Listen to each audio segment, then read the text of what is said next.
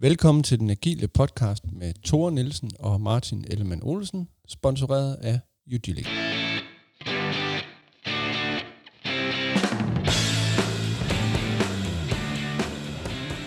Så er vi tilbage. Hej Martin. Hej Thor. Godt nytår. Og øh, i lige måde, Så er vi tilbage. vi kom helt skinnet ind i øh, 2021. Det var en hæsblæsende action-packed nytårsaften. Eller noget. Jeg tror, jeg lå i sengen øh, klokken øh, kvart over 12. Jeg har jo sådan nogle teenage-piger, de vil gerne være rigtig sent op. Jeg har sådan et, kan ikke gå i seng, fordi nu er jeg i seng, og så til sidst så gik jeg bare i seng. Øh, så jeg, jeg ved faktisk ikke, hvornår de gik i seng. Men jeg gik også øh, halv to, to, tror jeg. Et eller andet. oh, okay. Det er jo, det er jo nærmest en all-nighter i min verden. Ja, ja. Det var en døgner, som min, øh, som min teenagepiger kalder det. Næsten. Nå, øh, vi har jo øh, vi har fået en række lytterspørgsmål, Ja. som vi skal kaste os over.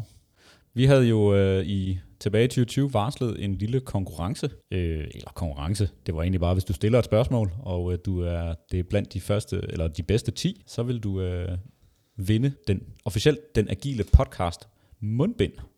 Lige præcis.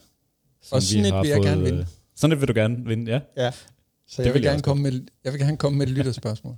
Skyd. Så Thor, hvad har været dit højdepunkt i øh, det forgangne år 2020?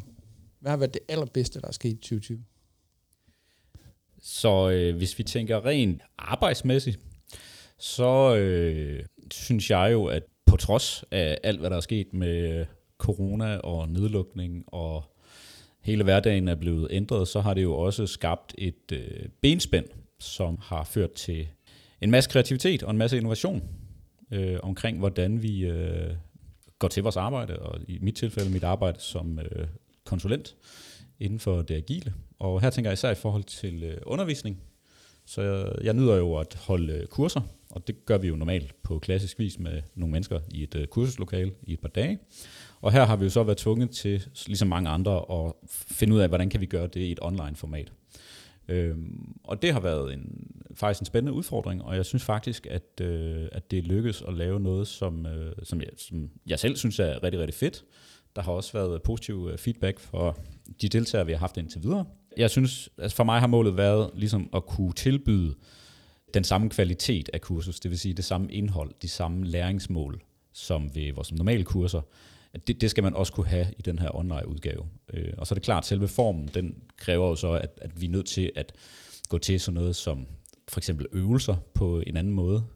Vores kurser har altid været meget involverende, så, så deltagerne har selv skulle øh, engagere sig og være aktiv i løbet af de her kursusdage. Øh, og det skal vi ligesom kunne, også kunne, øh, kunne skabe, når vi sidder øh, spredt ud hjemme ved, ved, ved sig selv.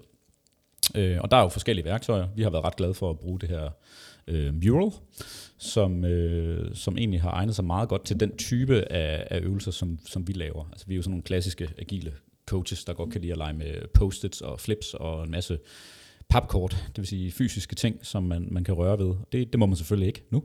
Øhm, og det har vi ligesom kunne øh, emulere, synes jeg, på en ret øh, fed måde i det her mural. Så øh, det har nok været højdepunktet for mig, sådan rent øh, arbejdsmæssigt i 2020. Cool. Ej, nu er jeg, næste, nu skal jeg, jeg er nødt til at stille det samme spørgsmål til dig så. Hvad har dit øh, højdepunkt for 2020 været?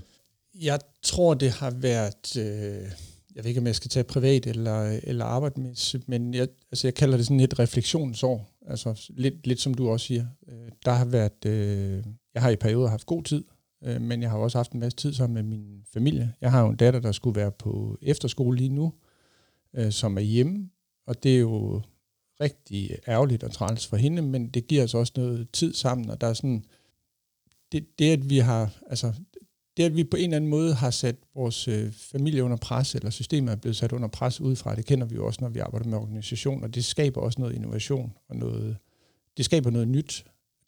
Og ikke fordi vi var en, øh, jeg, jeg anser os som en dysfunktionel familie, der ikke, øh, der ikke havde lyst til at være sammen, men man rykker bare på en eller anden måde tættere sammen i bussen, og nogle af de der teenagebørn, der aldrig er hjemme og altid er ude, og øh, er lige pludselig hjemme, og man får talt om nogle andre ting, så, så jeg synes, øh, jeg synes, det har båret meget sådan, øh, øh, altså nærhed, jeg vil sige Mm. kærlighed med sig. Øh, og også givet mig nogle refleksioner selvfølgelig over til, hvad er det så for et, øh, et arbejdsliv, jeg kunne tænke mig på den anden side af det her, hvor stærkt skal det gå, hvad skal jeg lave og sådan nogle ting. Øh, når jeg tænker på, hvad jeg også kan bruge min tid på.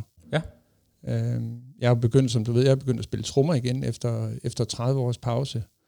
Øh, jeg tror, øh, uden, øh, uden den her coronakrise, så var det nok ikke sket. Altså, så var jeg... Det er sådan noget, jeg har tænkt på i, altså sådan i mellem, med mellemrum i alle 30 år, men sådan øh, de sidste 5-10 år sådan poppet op en gang, nej, det kunne også være sjovt, og er du blevet for gammel, og kan du stadig finde ud af det, og sådan noget, ikke? øh, og nu havde jeg tid til det, og så tænkte jeg, ved du hvad, øh, jeg undersøgte, jeg har købt et øh, elektrisk trommesæt, der ikke øh, larmer alt for meget øh, for resten af familien. Og jeg synes, det er pis fedt.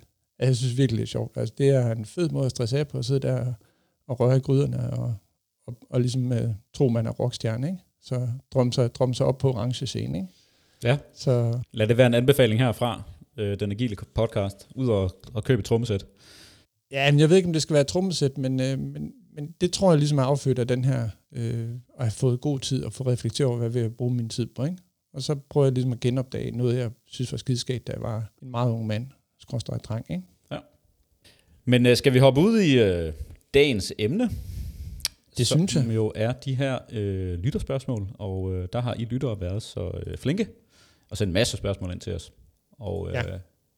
vi må med hård hånd udvælge dem, vi synes, der er bedst, eller i hvert fald dem, Lige som vi synes præcis. er mest interessante. Det er jo selvfølgelig kun dem, vi kan svare på, ikke? Eller Må jeg ikke øh, åbne ballet med at smide et øh, spørgsmål efter dig? det må du meget gerne. Så Peter spørger, hvorfor er refinement ikke en del af Scrum Events i Scrum-guiden?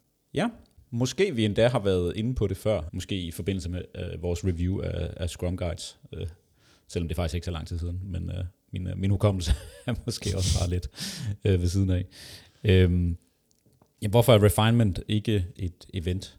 Hvis man skal tænke på, hvad formålet er med Scrum, så er det jo ret åbenlyst, at man har sat sig for at lave, hvad kan man sige, det mest letvægts rammeværk, som man kunne finde på ud fra den øh, ambition om, at det skal være et øh, universelt rammeværk, som kan fungere i stort set alle kontekster, hvis du i hvert fald spørger øh, Jeff Sutherland.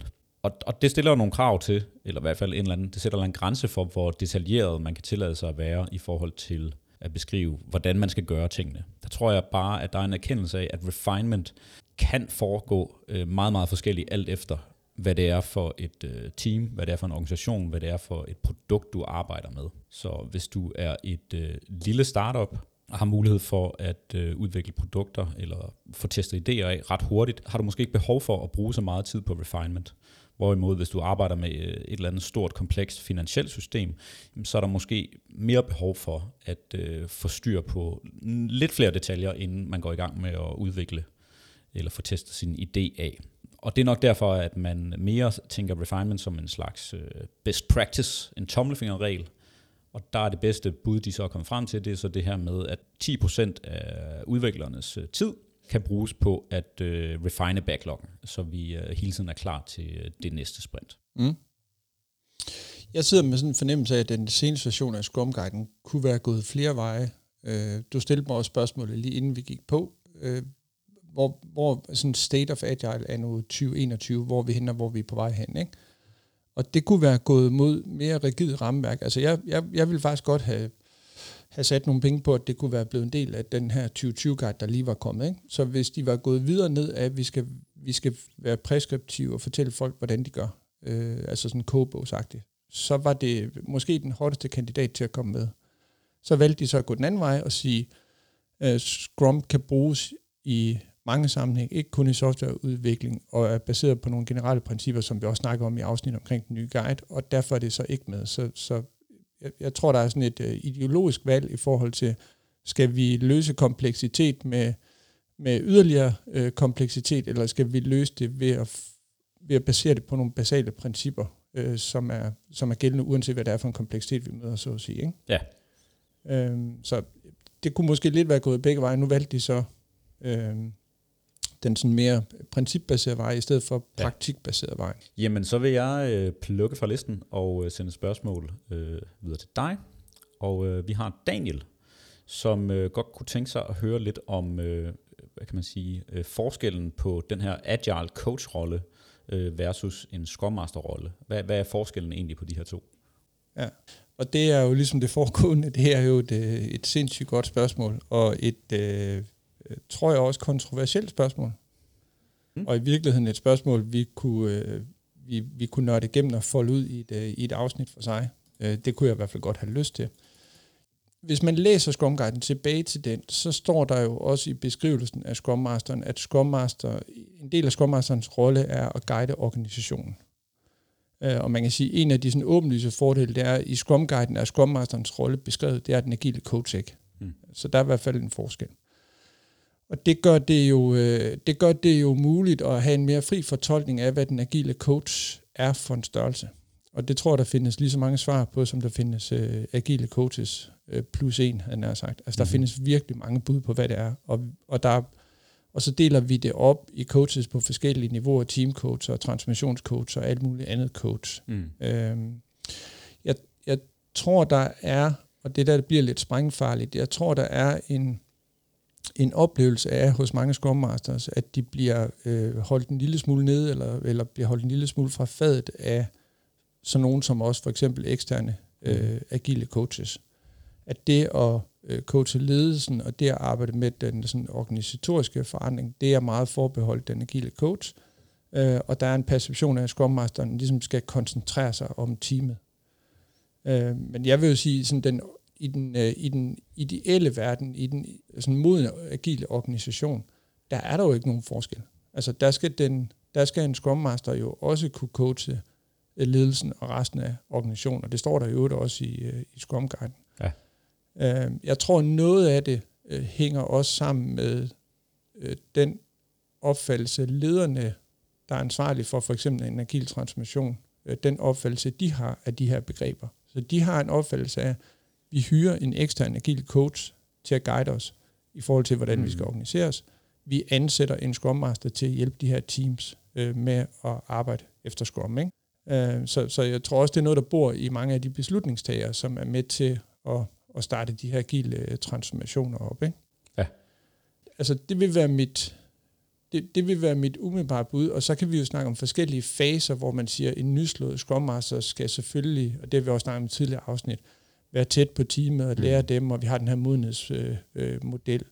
men, men den siger jo også, at når teamet bliver moden, så skal man jo så lære de stakeholders rundt omkring teamet at interagere med teamet, og man skal coach resten af organisationen på rejsen. Ja. Og så er der mange organisationer, der så aldrig nogensinde når der til, at Scrum Masteren hænger fast i sådan en, øh, en rolle på teamet, og, og får ikke øh, impact ud over øh, det team, eller de teams, man er, man er ansvarlig for. Ikke? Ja.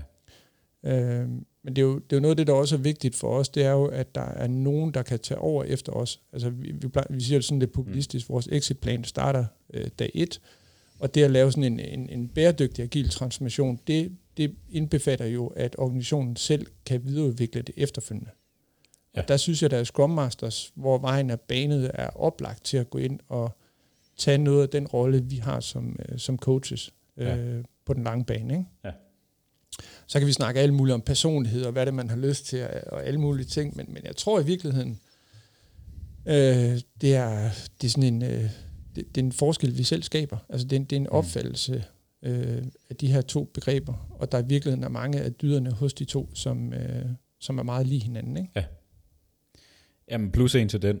Altså, du har jo helt ret i, at hvis du kigger på definitionen og intentionen bag Scrum Masteren, så ligner det jo nærmest en til en, end det vi i hvert fald forbinder med en agil coach. Altså det her med at coache en organisation og tænke øh, tværgående og tænke holistisk. Øhm, og der er jo ikke rigtig nogen øh, lærebog, der siger, øh, det her det er en Scrum Master, og det her det er en agil coach. Vi kan jo bare se derude, at de her roller, øh, de opstår oftest øh, ved siden af hinanden på en eller anden måde. Så hvad end det er interne eller eksterne agile coaches, så er der typisk nogle Scrum Master, som med udgangspunkt er tæt på et eller flere teams, og så er der nogle agile coaches, som er mere tværgående, mere omkring ledelsen, mere omkring den bredere organisation. Øhm, og det er jo nok bare... Øh, det, der sker sådan helt naturligt, når organisationer skal lære at arbejde agilt, så opstår det der behov for nogen, som tænker mere tværgående, og et behov for nogen, som er mere fokuseret på teamsene. Det kan være rigtig svært i en, i en, en knap så mod en organisation, at netop have en Scrum Master, som du siger, som på en eller anden måde skal kunne hjælpe team med de udfordringer, de har, og, og være der, og være til stede, og være tilgængelig, men samtidig have til opgave at løse de her tværorganisatoriske udfordringer, og sikre samarbejde på tværs osv. Så, videre. så det er et ret stort mm. brød at, øh, at slå op hvis ikke du har øh, ret modne teams øh, som udgangspunkt. Øh, så det er nok en del af forklaringen på, at de her op, øh, roller tit opstår og, og hvad kan man sige, lever på samme tid i organisationen. Mm. Og der er jo ikke noget svar for, hvad, altså omkring, hvad, hvad er det rigtige, vi skal ende med her. Men, men jeg vil nok anbefale, at hvis du har både Scrum Master, hvad du er Scrum Master, eller hvis du er den her agile coach, øh, så er det rigtig vigtigt, at man er hinandens allieret. Ret beset så arbejder man jo hen mod det samme mål, altså få skabt en bedre organisation øh, med udgangspunkt i team eller organisationen selv, og få skabt noget mere agilitet. Og der er det bare rigtig vigtigt, at man, man ikke kommer til at træde ind over hinandens domæner eller arbejdsområder øh, på en måde, som er uproduktiv. Altså, det er, jo, det er jo meget normalt for en agil coach at gå ind og være Scrum Master vikar, eller hjælpe Scrum Masteren med at facilitere et retrospektiv for eksempel, fordi så er det nemmere for Scrum Masteren at være med. Øhm, så det er jo ikke fordi, at man ikke må overlappe hinanden, men man skal bare være sikker på, at man, øh, man har nogle klare aftaler der. At man ligesom føler stadigvæk, at man arbejder hen mod noget fælles. Ja, det må i hvert fald ikke komme til at handle om den agile coach, vel? Altså, det er jo ikke for den agile coach skyld, at vi gør det her. Øhm, og, og jeg er enig med dig, det er vigtigt, de er synk, men, men det er jo også vigtigt, og, og det leder måske ind til nogle af de andre spørgsmål, der også, øh, der også er, er stillet. Jeg, jeg synes jo, det er vigtigt, at man har målet for øje.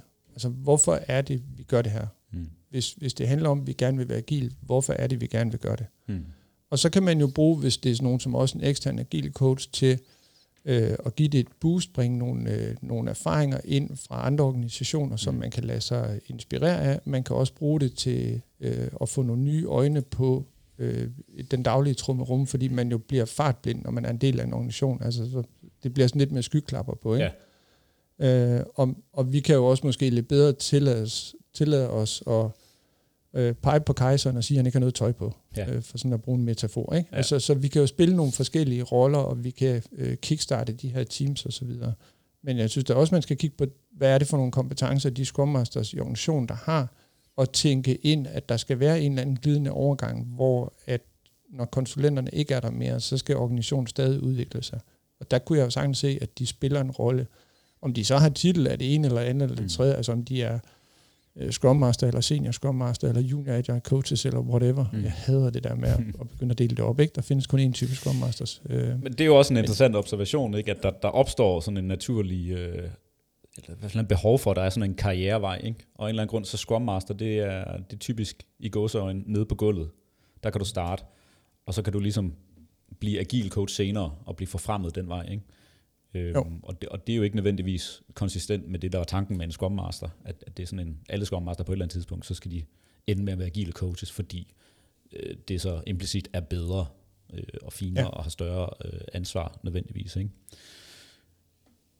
Og man kan sige, begge, begge øh, roller, i hvert fald som vi så står dem, er jo kendetegnet ved det her servant leadership. Altså som du sagde, det, det skal aldrig handle om dem. Og det er lidt den der utaknemmelige rolle, at øh, du skal egentlig spille nogle andre gode, og give dem al den credit, de kan få, og, og tage sig lidt selv. Fordi hvis de lykkes, så, så har du ligesom gjort dit, øh, dit, dit, øh, dit job, ikke? Øhm, og så nytter det jo ikke noget, hvis, at, at du ligesom er der for, øh, hvad kan man sige, for din egen skyld. Altså det handler om, at du skal se godt ud, så du kan blive forfremmet i gåsøjne til agile coach for eksempel, ikke? Mm. Øhm, jo, jeg synes, som leder, så bør man jo, altså hvis øh, ens uh, Scrum Masters øh, øh, hele tiden kommer rendende og siger, at de gerne vil være agile coaches, så synes jeg, at man skal, øh, som du siger, der er jo sådan, at man tænker, at det på en eller anden måde er et, et, øh, en forfremmelse, ikke? Mm. Øh, men jeg synes jo, at man bør kigge på, hvad er det for nogle rammer, vi har skabt for vores Scrum Masters, i forhold til, at de kan bruge de kompetencer, de har, og, og den energi, de har omkring at lave en forandring. Ikke? Altså, og så, så kan det godt være, at de skal have en anden titel, det er ikke det, jeg siger, at de ikke skal, men ligesom prøve at sige, hvad, hvad, hvad, hvad er det for en perception, der bor i dem, eller hvad er det for nogle barriere, vi har fået sat op, eller rammer, eller whatever vi kalder det, der gør, at de ikke øh, synes, de i rollen som Scrum Master øh, kan mm. påvirke det, de gerne vil påvirke i forhold til ja. den rejse, vi er på. Ikke? Altså, ja. det, det bør være det, man fokuserer på, mere end om folk har den ene eller den anden titel. Ikke? Ja. Og den kan måske bygge bro til Daniels andet spørgsmål, øh, og det er, hvilke antipatterns ser vi typisk i agile transformationer.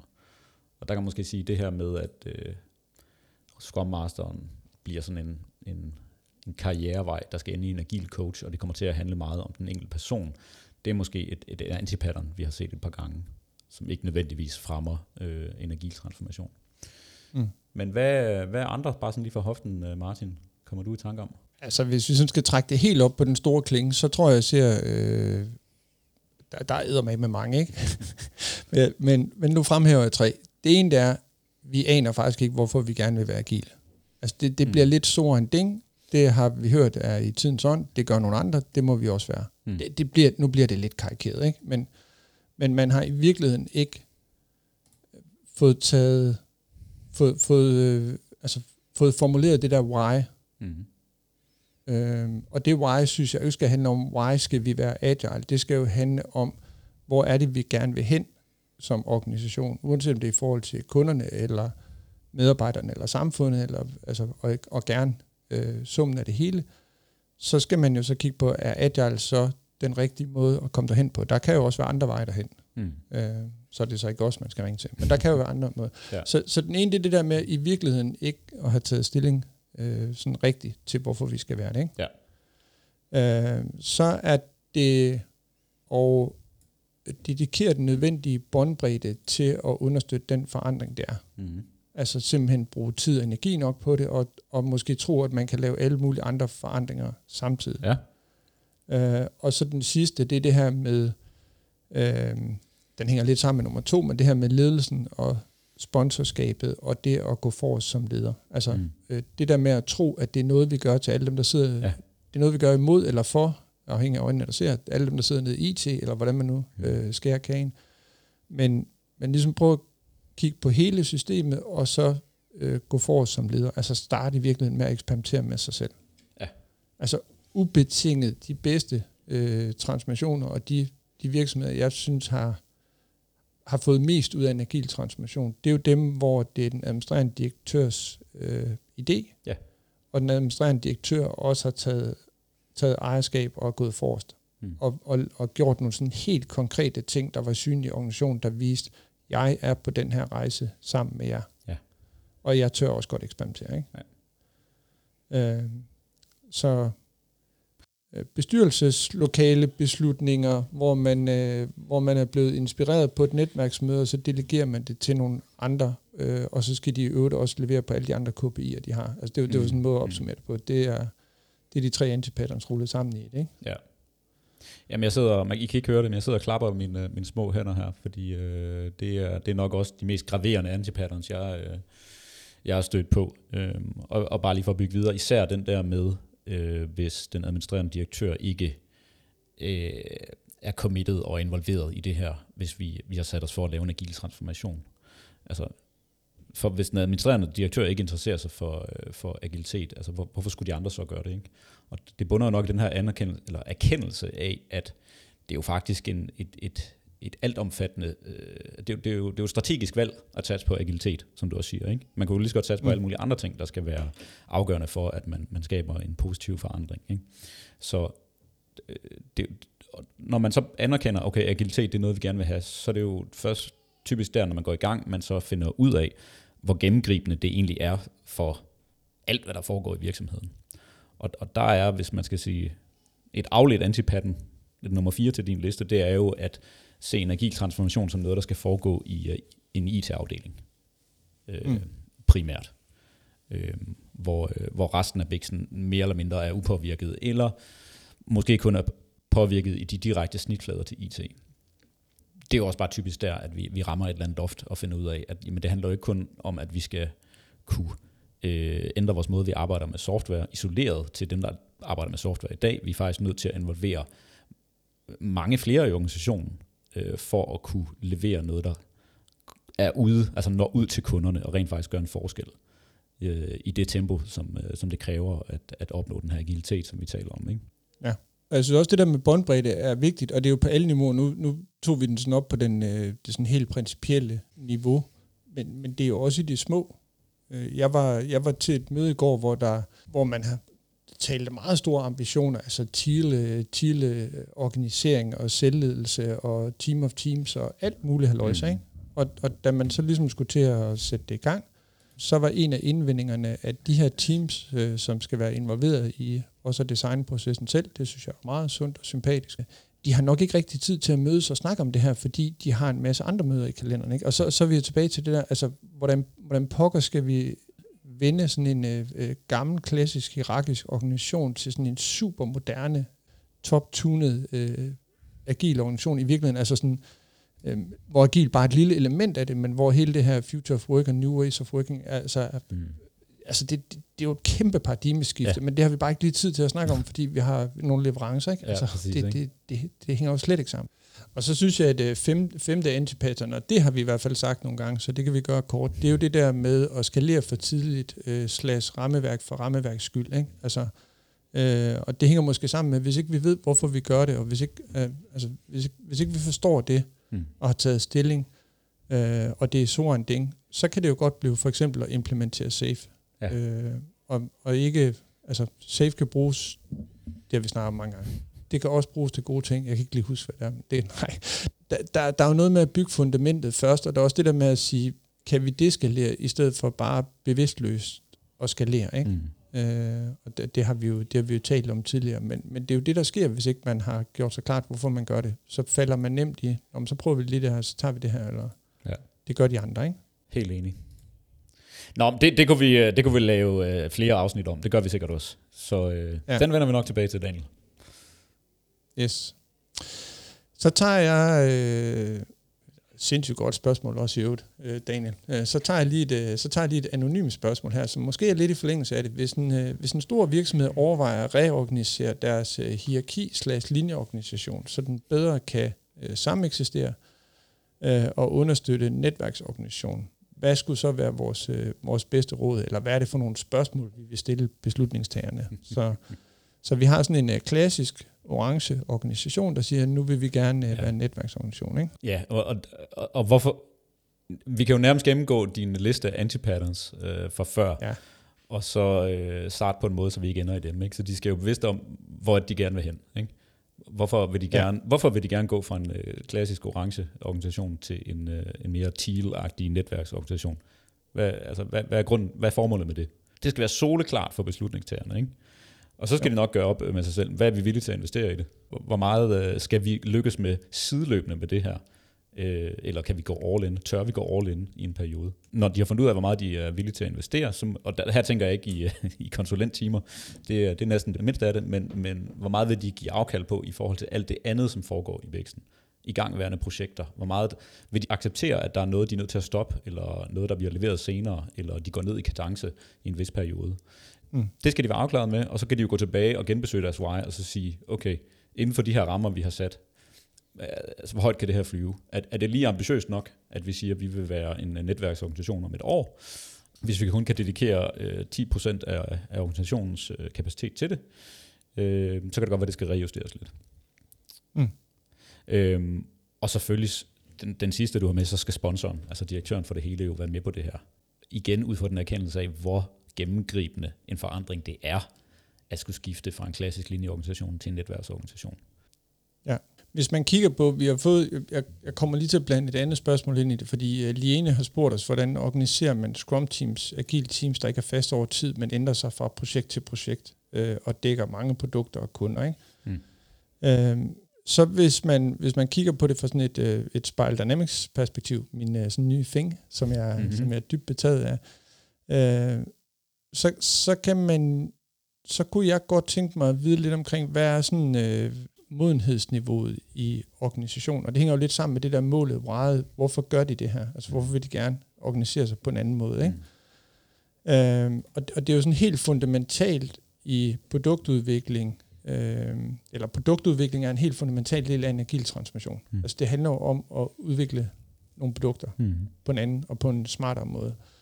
Og der synes jeg, det er jo lidt vigtigt, er fokus for organisationen, er det et øh, sådan målfokus, øh, som jo sådan øh, typisk passer godt ind i vandfald. Vi har det her mål, vi skal levere på, og som også typisk er projekttankegang. Mm. Vi har det her mål, øh, og det er det vigtigste i hele verden.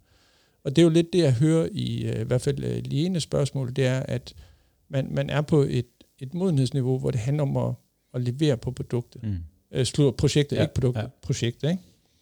Og så snakker vi jo om, at lave det her skifte til øh, produktfokus som det første. Det kan jo være en del af, hvordan organiserer vi så de her teams. Det er at tage et skridt, hvor vi siger, lad os prøve at se, om vi kan gå fra et projektfokus til et produktfokus, Og hvordan leverer vi så på de commitments, vi har på vores projekter, hvis vi organiserer omkring produkter? Men så det næste naturlige skridt i modenheden, det vil være at sige, at vi er kundecentreret. Så i stedet for at være produktcentreret, så er vi kundecentreret. Så organiserer vi os omkring, hvad er det for nogle øh, kundetyper og deres behov, som vi skal levere på. Og så hvis vi svinger det op i sådan en TIL-tankegang, øh, det var der også Spiral Dynamics kom ind, så skal man jo, øh, altså mange agile transformationer slutter jo øh, enten ved et produktfokus, eller måske endnu bedre ved et, øh, ved et kundefokuseret setup.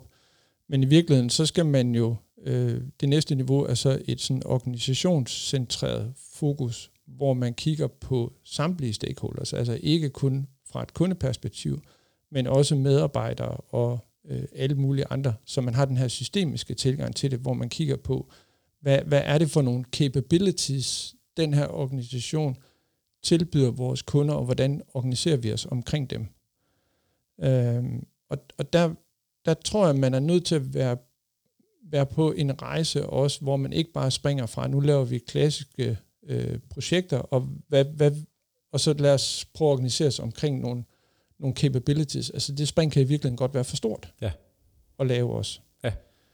Øhm, så, så, så der er noget med både at have et why, og så prøve at formulere nogle hypoteser omkring, hvad kunne være, hvad kunne være et, et, et, hvad kunne være nogle skridt, vi kunne tage, og så, og så organisere nogle eksperimenter omkring det. Ikke?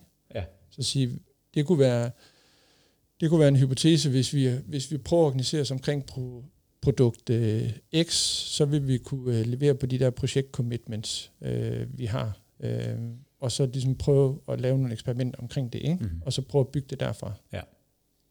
Ja, og den, øh, der kan jeg jo så lige smide et, øh, et andet spørgsmål, vi har fået af øh, en god ven af podcasten, Luxian, som øh, spørger øh, lidt ind på noget af det samme. Han spørger, hvad er gode acceptkriterier for en agil transformation?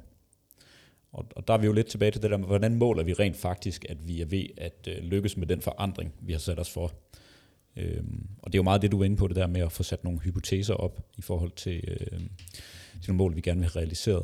Og som du siger, så er der jo rigtig mange organisationer, som øh, starter med at være meget output-fokuseret.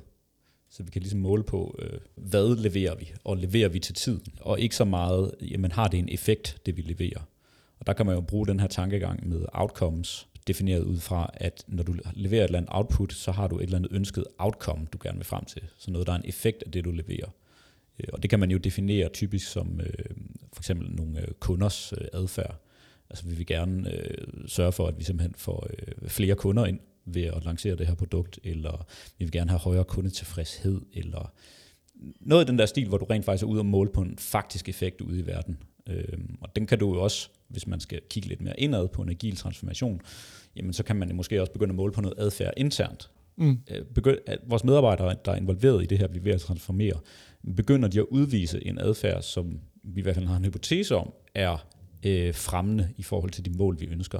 Hvis vi har et ønske om mere vidensdeling og transparens, jamen kan vi så definere en adfærd, som er, at folk begynder at øh, øh dele øh, deres øh, dele deres øh, status, deres fremdrift på en øh, på en måde, så det skaber mere transparens. Altså begynder vi at, at, at interessere sig for, hvad de forskellige teams laver. Har vi et fælles forum, vi kan, vi kan smide op, og hvor mange mennesker får vi med til vores reviews for eksempel.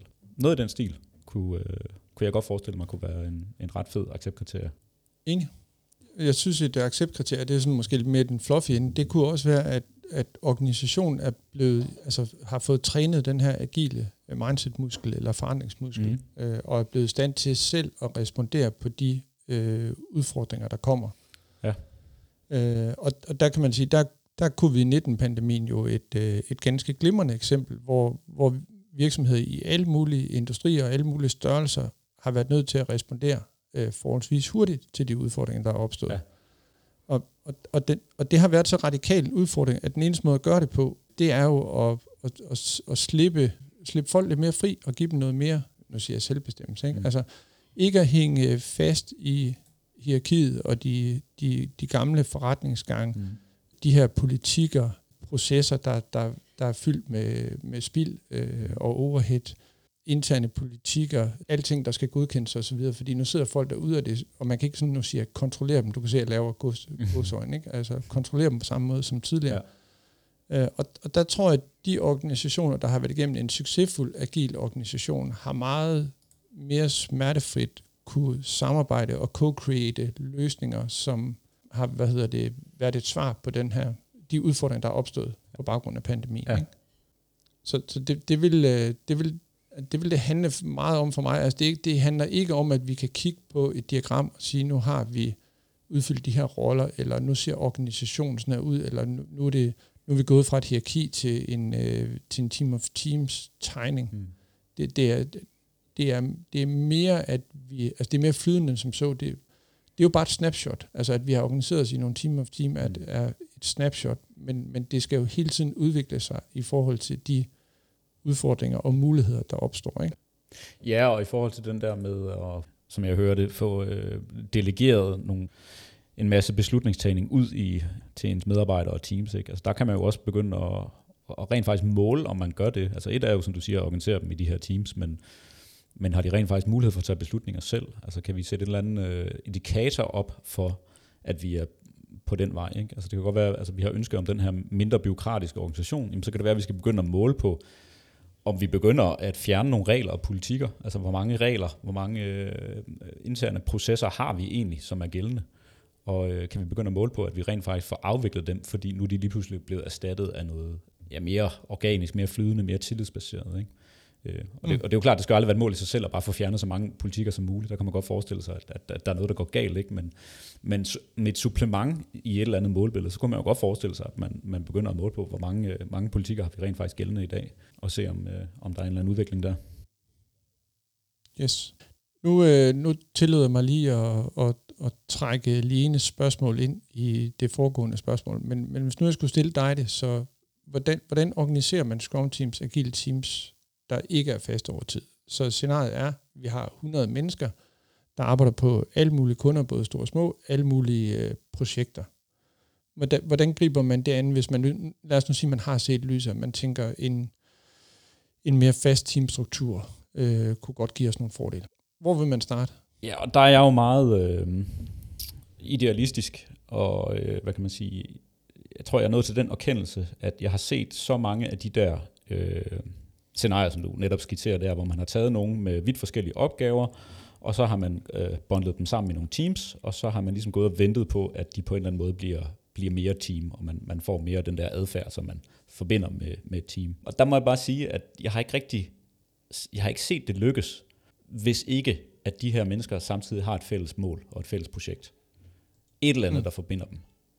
Og, og så, det, det er jo ret tydeligt, hvis du observerer et øh, daily øh, en daily scrum, hvor folk mere eller mindre bare øh, deler, øh, hvad det er, de arbejder på lige nu, og det er vidt forskellige opgaver, og så siger de tak for nu, og så går det tilbage. Ikke?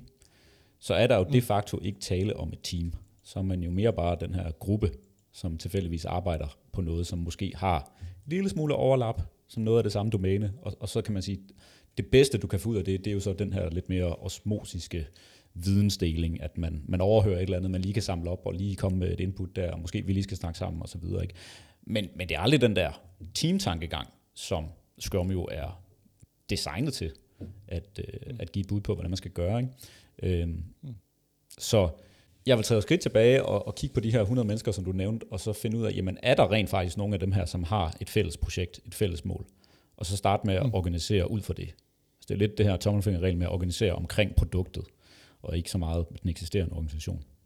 Øhm, og så finde de steder, hvor, hvor det rent faktisk giver mening, eller i hvert fald der er et potentiale for, at det kan give mening, at man kan begynde at arbejde på, øh, på noget fælles. Øhm, mm. Fordi ellers så bliver det bare de her pseudo-teams, som jeg lidt øh, skitserede før. Og det, det, det kan selvfølgelig have en masse positive effekter, men det bliver bare aldrig rigtigt det der øh, agile team, i hvert fald, som, som jeg forstår det. Øh, og det kræver, at man tør gøre det der. Ja, og nu kender vi jo ikke, øh, nu kender vi ikke organisationen, men hvis man siger det første skridt, det var også det, vi snakkede om før, øh, lad, lad være med at tage for, for store skridt, altså tage det inkrementelt sjovt nok. Ikke? Øh, hvis det første skridt er at gå fra en, en projektstruktur til en produktstruktur, så nævner Lene også, at der er noget ERP, noget CM, noget infrastruktur, noget web og nogle brancheløsninger. Mm. Øh, uden overhovedet at kende organisationen, så kunne man jo kigge på nogle af de her brancheløsninger og sige, kunne vi, kunne vi organisere os omkring nogle af de der kundetyper, mm. så kunne det være vores feature teams. Mm. Og så må man jo kigge på, skal webkomponenterne så spredes ud over de her feature teams, mm. hvad er fordele, ulemper osv. i forhold til det.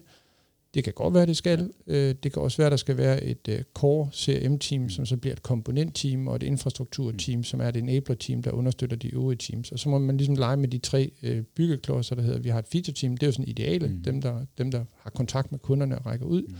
Vi har nogle komponentteams, fordi det er mere effektivt at samle det, og vi har måske har for få øh, folk, der kan det til at kunne sprede dem ud på de forskellige teams. Og så har vi, øh, så har vi nogle, øh, nogle enabler teams, som kunne, kunne være, øh, eksempel var det her infrastrukturteam, det kunne også være nogle, øh, nogle arkitekter, der laver sådan en uh, coded architecture runway, som, som teamsene så efterfølgende kan udnytte. Der, der kunne være alle mulige afarter mm. af det. Ikke? Og, så, og så ligesom nu siger jeg, tage fat i et feature team, og så sige, hvis vi, hvis vi trækker i det, hvor mange afhængigheder har det så, så kan vi finde et, hvor vi kan, hvor vi kan prøve med dem. Altså i stedet for nødvendigvis at reorganisere det helt fra start, så sige, hvis, hvis vi nu tager brancheteam et eller andet øh, X, hvad vil det så kræve i forhold til at organisere de øvrige teams, for at det teams kan arbejde som et reelt feature teams. Mm. Så hvor mange afhængigheder er der til komponent teams øh, og, øh, og enabler teams, for at det kunne lykkes. Ikke? Ja nu bliver det sådan meget specifikt. Ja. Der, sådan ved første øjekast og den, øh, den lille øh, korte beskrivelse, vi har af det, der vil jeg nok kigge på de her brancheteams. Øhm, og så ved vi jo godt, at hvis vi faktisk gik ind i den her dialog, så ville der være alle mulige andre ja, ja, hensyn, man så også skulle tage. Ikke? Øh, og det bliver altid lidt messy i virkeligheden, at skulle, øh, skulle, skulle skære den der øh, kage øh, på en ordentlig måde. Ikke? Til det vil jeg også sige, at det er også meget vigtigt, at der er en ledelse omkring som er meget klare i deres kommunikation omkring, hvad formålet er at for eksempel tage de her mennesker og sætte dem på et team sammen. Så kan det godt være, at de ikke hvad kan man sige, har så meget et fælles produkt eller et, et fælles mål, eller har så meget overlap mm. til at starte med, men så er det ret vigtigt, at hvis det er der, vi skal hen, at det bliver kommunikeret tydeligt og ofte, og at folk er motiveret omkring den, øh, den mm. ambition at blive et team med, med et fælles mål, for ligesom at kunne udnytte, ja. hvad kan man sige, den her styrken ved den her teamkonstellation. Ikke? Enig. Så er vi tilbage til det med, at ledelsen går forrest. Ikke? Så de ledere, der er involveret i det her, de kunne samles i et øh, øh, agile leadership øh, team, eller cohort, eller hvad vi nu kalder det, hvor, hvor de i fællesskab kunne få en større forståelse for ja. rollen som agil leder, men også den der organisatoriske del, hvordan påvirker det organisationen, kunderne, vores medarbejdere, samfundet, hvis vi vælger at organisere os på en anden måde. Ikke? Ja. Så, øhm, så tænker jeg, at vi skal til at vi skal tage et andet spørgsmål, som er lidt en anden boldgade. Nu skal vi til at tale om os selv igen. Det er også det, vi er bedst til, faktisk. Vi ruder os uden at være roden, når vi skal til at, at tale om andre end os selv. Så øh, Per Christian Møller, han øh, spørger, hvor vi ligesom har fået vores, øh, om, vi, om vi har haft et tidspunkt i vores liv, hvor vi ligesom har fået en wow-oplevelse, hvor det er gået op for os, at det der med agilitet, det er vejen frem det minder måske lidt om, øh, om det der popcorn moment, som Erik Østergaard ja. han, øh, han øh, fortalte os om i, øh, i det afsnit, hvor han var med. Så øh, Martin, hvad er dit øh, popcorn moment i forhold til Agile? Hvis man lytter til Blog Østergaards øh, øh, blog, så, øh, hvad hedder podcast, hedder det ikke blog, podcast, så øh, fremtidens Audioblog. Go, så snakker de jo meget, ja, så snakker de jo meget, øh, så, så vi, kan godt, øh, vi kan godt fremhæve dem også. Så snakker de jo meget om det her popcorn moment, øh, som forandrer ens liv. Ikke? Ja øh, enten så kan jeg ikke huske det, eller også så har det ikke været sådan et, et, et popcorn-moment for mig. Du har også levet et langt liv, jo. Øh, ja, det er jo det. Altså tilbage i 1999, der startede jeg i TDC Services i Slet i Aarhus. Øh, og stop mig, hvis jeg har fortalt historien før. Jeg har i hvert fald fortalt dig den før. Der startede jeg i TDC, og jeg var på sådan et øh, ret stort Java-projekt som, øh, som udvikler, hvor vi skulle kode et system til planlægning af af hvad hedder det, udbredelse af mobilnettet dengang. Og der var det store skifte fra 2G til 3G, så langt er vi tilbage. Det var sådan en introduktion af 3G, ikke? og nu snakker vi, nu snakker vi 5G. Øhm, og der arbejdede jeg på et team, der eksperimenterede med extreme programming. Og, og det var sådan set øh, det var sådan set det der fandtes. Og, og så fik jeg så jeg var mega dårlig til at programmere, og det så min leder, så han kom og spurgte om ikke jeg havde lyst til at blive projektet, og så lavede jeg i hvert fald ikke flere ulykker som øh, som øh, som udvikler, ikke? Øh, og så lang historie kort, så fik jeg ansvaret for et team af nogle øh, ihærdige unge mennesker, som, øh, som synes, det der agile, det var mega fedt og, så, og så gik jeg sådan med på den og prøvede at facilitere det at være lidt Scrum Master og lidt projektet. Altså vi brugte ikke Scrum, vi havde Extreme Programming øh, og læne os op af. Mm. Dem, der kan huske Kent Bæks bog, det er sådan 120 sider, men øh, med en masse inspiration, og man, når man har læst den, så er man helt optændt af den hellige ild, så det er nok mit popcorn moment, og så sidder man og tænker, øh, hvordan, hvordan gør man? Øh, fordi det, det står faktisk ikke rigtigt i bogen, og efterfølgende er der kommet tonsvis af materiale til, hvordan man gør, guidance til, hvordan man gør. Øh, men, men vi fik, øh, vi var nok ikke særlig vigtige for TDC Services, så vi fik sådan lov at, at være vores egen lille boble, øh, og gøre lidt, hvad vi havde lyst til. Så vi eksperimenterede en hel masse, og eksperimenterede med at rykke rundt på bordene og øh, trække ledninger hen over loftet og sådan noget, sådan vi kunne sidde i en cirkel mm. øh, alle sammen og kigge på hinanden. Og jeg fik mit eget kontor, jeg kunne ikke holde ud at sidde derinde, så det konverterede til et, øh, et mødelokal, men mit navn skulle stå på døren, ellers så blev det ligesom øh, inddraget. Øh, men jeg ville gerne sidde ude ved de andre. Og altså, jamen, det, det var bare øh, det var bare leg. Og så i 2003 må det være, så to år efter manifestet blev skrevet, der var jeg på min første agil konference, øh, den hed XPD's dengang, tror jeg, øh, i New Orleans, og vi var 200, så det er det, der er den store agile konference i dag med øh, flere tusind deltagere. Ikke? Jeg tror, vi var 200. Og der var, der var Kent Beck, han var så hovedtaler. Og, og da han kom ind i det lokale, altså du kunne høre en knappenål falde. Altså det, det var nærmest, øh, nu, nu kommer vores øh, store alfaderlige øh, figur og fortæller os, hvordan det skal være. Ikke? Mm. Og, og det, var, det var faktisk svært ikke at blive revet en lille smule med af den der stemning. Ikke? Øh, og jeg var derovre med en god kollega fra, fra TDC, og så var der en, øh, en konkurrence, hvor man kunne vinde en, øh, en taske med, med konferencens logo på, og så 10 bøger om Agile. Og ud af de der 200 mennesker, så var der selvfølgelig min kollega, der vandt de der 10 bøger. Jeg synes, det var mega uretfærdigt. Så, så, men det, det var ham, der vandt dem og tog dem med hjem. Og så tror jeg bare, så tror jeg bare ikke, jeg har set mig tilbage Nej. siden. Øh, men men jeg havde, vi havde i virkeligheden ikke ret meget at holde os til. Og, og det kunne jeg måske nogle gange godt ønske for, for nogle af dem, der starter med det agile i dag, at, at der var lidt mindre øh, guidance, at de fik lov at eksperimentere lidt mere. Ja. Øh, og ligesom selv opdage, hvordan de kan bruge det her. Ikke? Ja. Ja. Fedt. Så, så det, var, det var meget, meget tidligt og meget, meget længe siden. Kan man sige, at du har nærmest oplevet det i praksis på egen krop, før du ligesom begyndte at studere det og få øjnene op for, at det, det var et begreb, og det var en ting, og det var en tilgang? Øh, ja, det, det synes jeg godt, man kan. Altså, jeg, jeg husker det som om, altså jeg husker det i virkeligheden som om, at, at nogle andre altså, i, i den gruppe, vi var, havde set det før mig, og introduceret mig til ja, okay.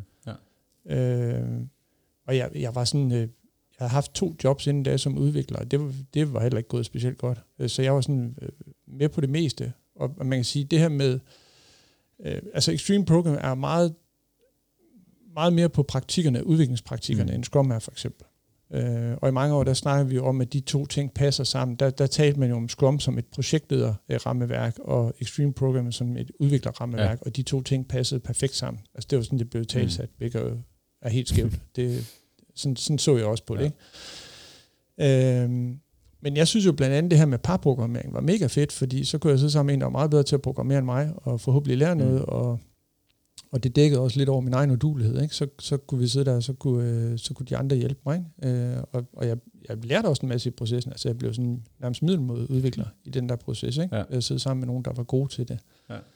Øh, så, så, så ja, og det, øh, vi kaldte det ikke Agile, vi kaldte det Extreme Programming. Det var det, vi lavede.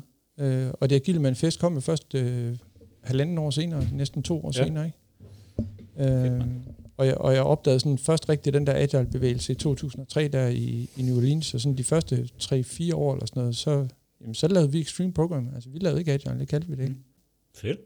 Det var, det var mit, øh, tror jeg, popcorn moment, hvis man kan kalde det det. Ja. Hvad med dig?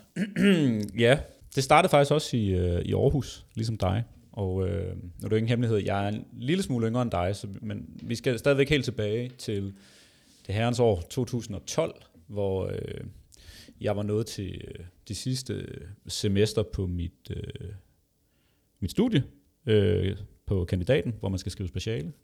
Øh, og jeg læste øh, informationsvidenskab i Aarhus, som... Øh, sådan føltes i hvert fald at, at, at læse det. Det var sådan lidt den her lidt skizofrene uddannelse, hvor man, man er egentlig humanist, men man beskæftiger sig med, med IT-systemer og organisationsudvikling og ledelse, og man fik lov til at smage på øh, ret mange forskellige fag. Og jeg, øh, ja, som studerende var jeg ikke særlig målrettet. Jeg havde ikke, øh, ikke rigtig den store idé om, hvad, hvad i alverden jeg kunne bruge det her til, øh, og hvad jeg i virkeligheden øh, brændte for. Det var nok lidt en oplevelse af at have toget lidt rundt i, øh, i fire og et halvt år. Og så nåede jeg jo så til, til det her speciale år, og øh, ja, det kan jeg godt indrømme. Jeg, jeg, jeg tror, dagen før øh, fristen for, hvornår man ligesom skulle melde ind, hvad man havde tænkt sig at skrive speciale om, der vidste jeg stadigvæk ikke, hvad fanden jeg skulle skrive om. Og så skrev jeg øh, sådan lidt for sjov til en kammerat, som jeg vidste skulle til at, at skrive hans speciale, og så spurgte jeg bare sådan lidt for sjov, hvad skal vi skrive det sammen? Det lyder meget spændende, det du har gang i. Og så gik der øh, to minutter, så ringede han til mig. Og så øh, en halv time senere, så sad vi nede på, øh, på universitetet, og så gik vi op til vejlederen og, og ligesom kom med vores ansøgning om det her speciale, vi skulle skrive sammen. og det handlede jo så øh, øh, om øh, ja, det, jeg laver i dag, og det er jo det her med at gå fra en, øh, en klassisk øh, IT-projektledelsesmetode til en agil metode. Afledt af det faktisk, øh, hvordan laver man en agil transformation. Og det var altså gennem ham, min, øh, min kammerat der, som, øh, som, hvor jeg første gang stødte på det her begreb agile, og havde på en eller anden måde jeg, altså, slet ikke hørt om det før. Øh, men, men der gik jo ikke længe, altså det var jo bare at gå ind og læse manifestet og, og, og, og lidt høre med ham, hans forklaring af, hvad var forskellen egentlig, før der var et eller andet, der slog klik ind i mit hoved og sagde, ah okay, nu giver det hele mening. Fordi der var jo en masse ting i det her, som jeg godt kunne genkende, på trods af, man kan man sige, min manglende praktiske erfaring. Men genkende det der med følelsen af at være, være bundet af, af regler og processer, om det så har været i forbindelse med studiejobs, eller bare det at være studerende i det hele taget. Altså det der med at ikke befinde sig særlig godt i en, en meget hierarkisk organisation, og øh, have en leder, som øh, har en meget sådan, øh, micromanagement-stil. Alle de der ting var jo sådan noget, som jeg altid havde haft en aversion om, men, men ikke rigtig haft hvad kan man sige, sproget til at kunne i talesæt, og helst slet ikke have haft et eller andet, et alternativ til, øh, hvad kan man sige, den verden, som jeg på en eller anden måde øh, havde. øh, og der var det bare et eller andet slå klik, da jeg læste Agil Manifest og sagde, hold da op, det er jo spot on, det der, som jeg godt kan lide. For jeg kunne bare, altså igen genkende nogle mønstre. Hvornår synes jeg, at opgave har været fedt?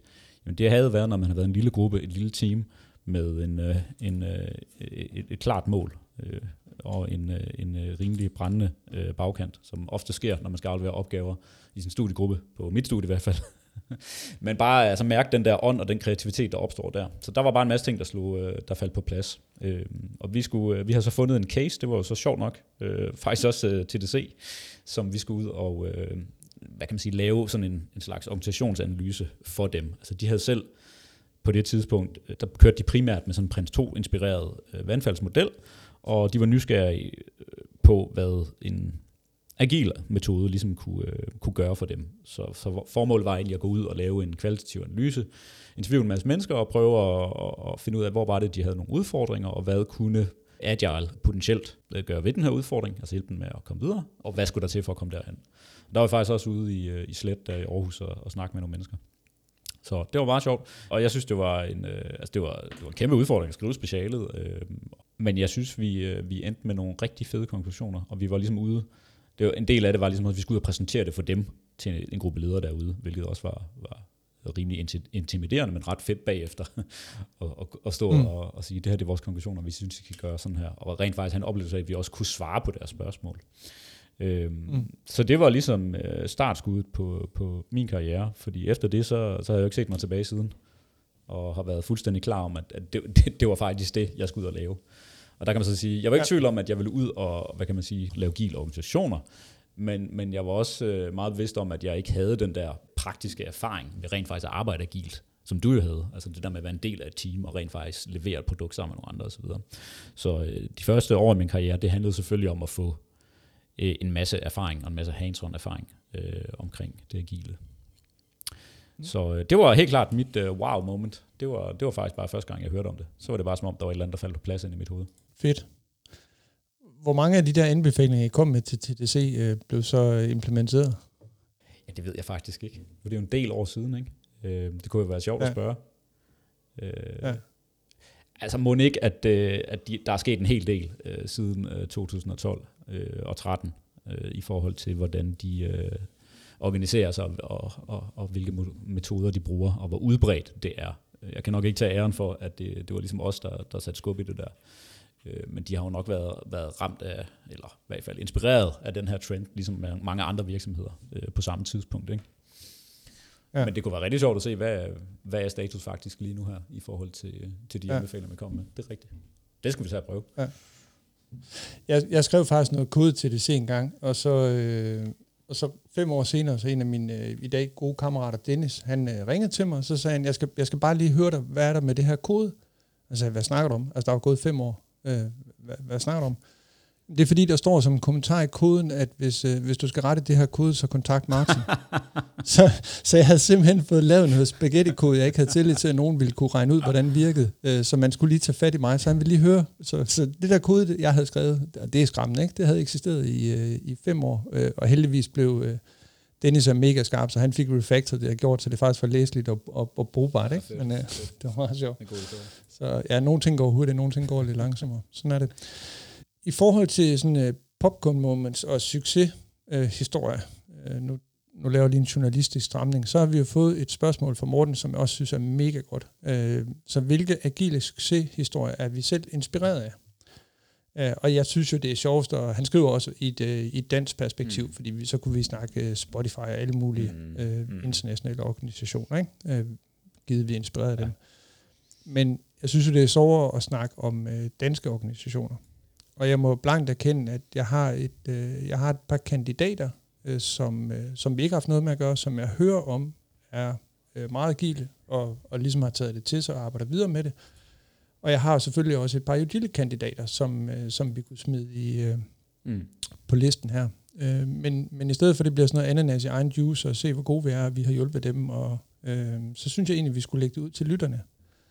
Og vi er jo begge to inspireret af Corporate Rebels, der har den her bucket liste med progressive virksomheder og tænkere, som de gerne vil øh, ud og besøge. Og de beder jo også løbende om input til den her liste. Ikke? Så skulle vi ikke lave sådan en, øh, en, en, en øh, dansk agil bucket liste over øh, agile virksomheder og organisationer, som virkelig har fået noget ud af at lave en agil transformation?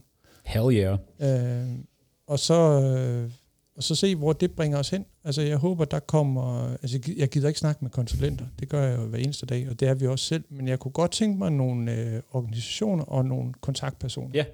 Så nogen, der sidder ude i organisationen, der har været med på rejsen og stadig er der, som vi kan kontakte og høre lidt omkring, øh, hvad gjorde de, og hvad gik godt, og hvad gik skidt, og ja. hvad er næste skridt og sådan noget. Så kan jeg lytte, hvis du selv er en del af en organisation, hvor du synes, her er der øh, noget, som kunne være rigtig inspirerende for andre at høre om, eller hvis du tidligere har været en del af en, eller hvis du bare selv har hørt om en succeshistorie i forhold til at blive agile, så kontakt os endelig, fordi øh, så vil vi rigtig gerne komme ud og snakke med dem, og se, hvordan øh, vi kan bruge det til at gøre ja, alle vi, klogere gennem øh, podcasten. Ja, det kunne være, det kunne jeg virkelig godt tænke mig at komme ud og, og prøve at høre ude i, øh, i felten, han har sagt. Ja. Øh, og, vi, vi trænger også til at komme lidt ud af studiet, Martin. Nu har vi siddet her og kvævuleret i, i et par år, ikke? jo. Lad os, øh, lad os sige det. Vi laver lige et link øh, til vores, øh, til vores formular derinde på sitet, hvor man kan stille spørgsmål. Så kan man jo der smide øh, navn på en organisation og gerne en, øh, en kontaktperson. Og måske lige en lille begrundelse for, hvorfor man, øh, hvorfor man indstiller dem. Ikke? Ja. Og så prøver, vi, øh, så prøver vi at tage kontakt til dem og høre, om ikke de har lyst til at, at fortælle deres øh, historie. Fedt. Og, og det er vel alle organisationer. Så, så præmissen er, at vi indstiller ikke nogen, så vi indstiller heller ikke organisationer, vi har arbejdet med. Så hvis de skal på listen, så skal der være nogle andre, der, der, der kalder ja. den og siger, dem der, dem skal, I, øh, dem skal I snakke med. Der var sådan et konsulenthus ud, og kæft, hvor var de gode, og det spiller bare. Men vi gør det ikke selv, vel? Uh, lad os se, hvad der dukker op. ja, vi, skal, vi skal nok til at runde af, og uh, vi skal have sendt nogle uh, mundbind med posten til, øh, det skal vi. til de kære lyttere, som har stillet os de her virkelig gode spørgsmål.